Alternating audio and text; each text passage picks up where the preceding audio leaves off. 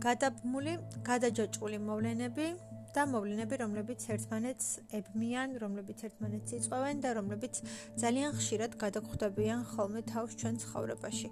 ყველაფერი რაღაცისთვის ხდება და ყველაფერი რატომღაც რაღაცისთვის ხდება. და თუ რატომ რისთვის და როგორ ხდება თუ დაუკვირდებით ჩვენ ცხოვრებას და ჩვენ ცხოვრებაში მიმდინარე ამბებს, მოვლენებს, სიტუაციებს, შემთხვევებს, ალბათ ბევრ საკითხზე და ბევრ კითხვაზე გვექნება პასუხი. გვექნება სრული და მომწურავი პასუხი, გვექნება პასუხი თუ რატომ ხდება, თუ რატომ გვემართება, რის გამო ხდება, რატომ შეგვემთხვა, რატომ დაგვემართა, რა იყო ამის მიზეზი, რამ გამოიწვია და ბევრ რაღაცაზე მივიღებთ პასუხს. თუმცა რა თქმა უნდა ეს არ არის სრული ახსნა და ეს არ იქნება ყოველფრის ახსნა, რომ აი ეს უბრალოდ ამის გამო ხდება და ამის გამო მემართება. ერთადერთი რაც შეიძლება იყოს ცხადი და ნათელი ვიცოდეთ ის თუ რომელი შემთხვევები, რომელი მოვლენები და რომელი ისტორიები მეორდება ჩვენ ცხოვრებაში, რა მომენტებს და რა მოვლენებს ვაწყდებით ჩვენი ცხოვრების მანძილზე. ყველაზე ხშირად და რა არის ხოლმე განმეორებოდი და რა შეგვემთხოვა ყველაზე მეტად. რომელი არის ის მომენტი და რომელი არის ის მოვლენა, რომელსაც მრავალგზის ვაწყდებით და ვაწყდებით კიდევ და კიდევ. და რომელი შემთხვევები შეიძლება რომ განმეორდეს, ასე ვთქვათ. რა შეიძლება იყოს ამ განმეორებადობის მიზეზი და რა შეიძლება იყოს ეს ყველაფერი ანუ როგორ შეიძლება აიხსნას, რა შეიძლება იყოს ამის მიზეზი და რისი ნიშანი, რისი მიმანიშნებელი შეიძლება იყოს ეს. პირველ რიგში ალბათ იმის, რომ რაღაც უნდა ვისწავლოთ, რაღაც უნდა ვისწავლოთ და უნდა გამოვიტანოთ დასკვნა ამ ყოლაფრიდან.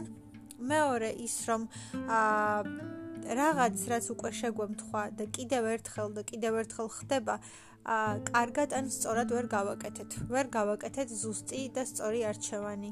რაღაცაში შევცდით. რაღაცაში არასწორი ნაბიჯი გადავდგით.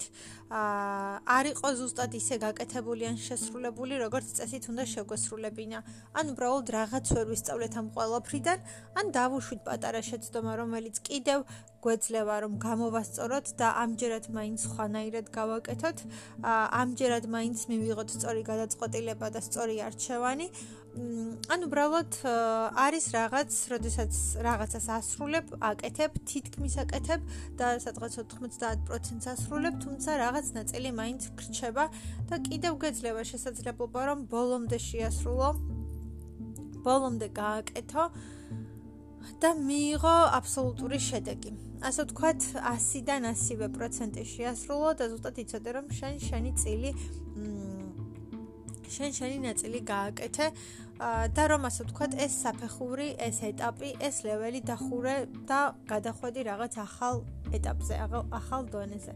ალბათ იმიტომ მეორდება რაღაცები, რომ მართლაც ან დასკვნები გამოვიტანოთ და რაღაც ვისწავლოთ, ან უბრალოდ რაღაცები ბოლომდე ვერ გავაკეთეთ და ახლა მაინც გავაკეთოთ ბოლომდე და საბოლოოდ მივიღოთ ამ გაკვეთილიდან ის ყველაზე მთავარი და ძირითადი რაც უნდა გვესწავლო და რაღაცა არ გამოგრჩეს, რაღაც არ გამოგვეპაროს და არ გამოვტოვოთ. მეორე შემთხვევაში უბრალოდ შეიძლება ეს მხოლოდ განმეორებადი ამბები იყოს, რომლებიც მეორდებიან და მეორდებიან. არ ვიცით თლათ რისთვის, მაგრამ ფაქტი არის, რომ ზოგიერთ მოვლენას რამდენჯერმე გავდივართ ჩვენ ცხოვრებაში. ზოგჯერ შეიძლება მ ხუთჯერ, ექვსჯერ, ზოგჯერ ორჯერ ან სამჯერ, მაგრამ ყოველ შემთხვევაში გარკვეული მოვლენები და სიტუაციები ჩვენ ცხოვრებაში არის ციკლური და ეტაპობრივად ყოველთვის გავდივართ, ყოველთვის ვუბრუნდებით, ყოველთვის ისევ მივდივართ საწყის წერტილთან და ყოველთვის ხდება ისე, რომ რაღაცები აა ბრუნდებიან ან ჩვენ ვბრუნდებით რაღაცებთან.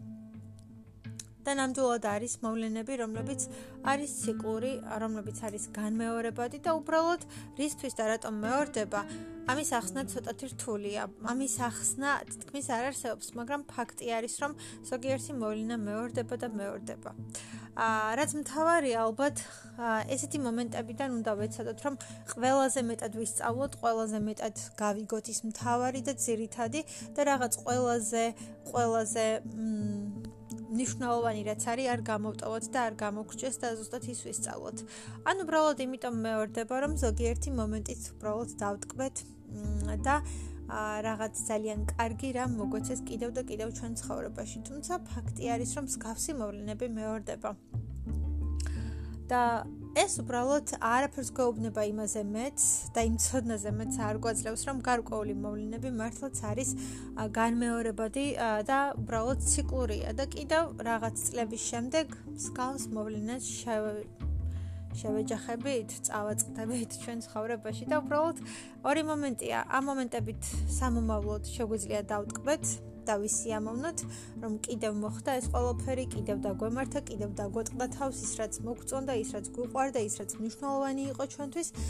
და მეორე მომენტი უბრალოდ თუ კიდევ წავაწყდებით როგორ როგორ ვთქვათ, რაღაცა მოვლენას, რომელიც უკვე მოხდა ჩვენ ცხოვრებაში, გვეცადინება როგორ უნდა მოვიქცეთ. ან შემზადებულები ვიქნებით იმისათვის, რომ ეს ეტაპი კიდევ გავიაროთ და მივიღოთ ამ მომენტიდან გავკვეთილი გაკვეთილი რომელიც უნდა ვისწავლოთ და სამომავლოდ ჩვენთვისვე სასიკეთოდ გამოვიყენოთ ის. თუმცა მგონია და ვფიქრობ, რომ შემთხვევით არც ერთი მოვლენა არ ხდება და შემთხვევით არაფერი არ გვემართება. და ის ყველაფერი რაც გვემართება ალბათ ჩვენი ცხოვრებისთვის იყო საჭირო, განსაზღვრული, ან ყოველ შემთხვევაში ეს ის ეტაპი და ის ნაბიჯია, რომელიც ჩვენი ცხოვრების სამომავლო გზაზე გამოგვადგება და რაღაც მომენტში დავდგებით ისეთ მომენტთან, ისეთ საფეხურთან, სადაც ეს ყველაფერი გადამწყვეტა დაუცილებელი იქნება და ძალიან დაგჭირდება. აქედან გამომდინარე, ის რომ დღეს ამ ყველაფერს შევხედროდი, იყო აუცილებელი, იყო ძალიან ძალიან საჭირო და იყო გადამწყვეტად მნიშვნელოვანი, რადგან ეს მე და ჩემ ცხოვრებას სჭირდება. აქედან გამომდინარე, აქედან გამომდინარე შემთხვევით არაფერი ხდება და განმეორებადი მომენტებიც იმისთვის არის რომ ჩვენ გავიზარდოთ, ვისწავლოთ, ვისიამოვნოთ, ან უბრალოდ გაკვეთილები მივიღოთ ცხოვრებისგან, რომლებიც კიდევ და კიდევ დაგჭირდება მთელი ჩვენი ცხოვრების გზაზე. ძალიან ბევრი რამ. იცვლება, ძალიან ბევრი რამ. სხვანაირი ხდება, ძალიან ბევრი რამ. ცვალებადია, მაგრამ არის მომენტები, რომლებითაც უბრალოდ უნდა დატკბე და მით უმეტეს ისეთი მომენტები თუ გიმეორდებათ ცხოვრებაში, რომლებმაც ძალიან დიდი სიხარული და ბედნიერება მოგიტანეს ერთ დროს, ასეთი მომენტებით უნდა ვისიამოვნოთ და უნდა დაველოდოთ კიდევ როდის შეგვემთხოვა, რადგან ის ძალიან ძალიან ტკბილი იქნება კიდევ და კიდევ. გისურვებთ, რომ მხოლოდ სასიამოვნო მომენტები და მოვლენები ყოფილიყოს თქვენ ცხოვრებაში განმეორებადი და მხოლოდ კარგი რაღაცები შეგემთხვათ კიდევ და კიდევ და მოუთმოთ დაელოდოთ ასეთ მომენტებს, რომ კიდევ ერთხელ დატკბეთ და ისიამოვნოთ მათით. thank you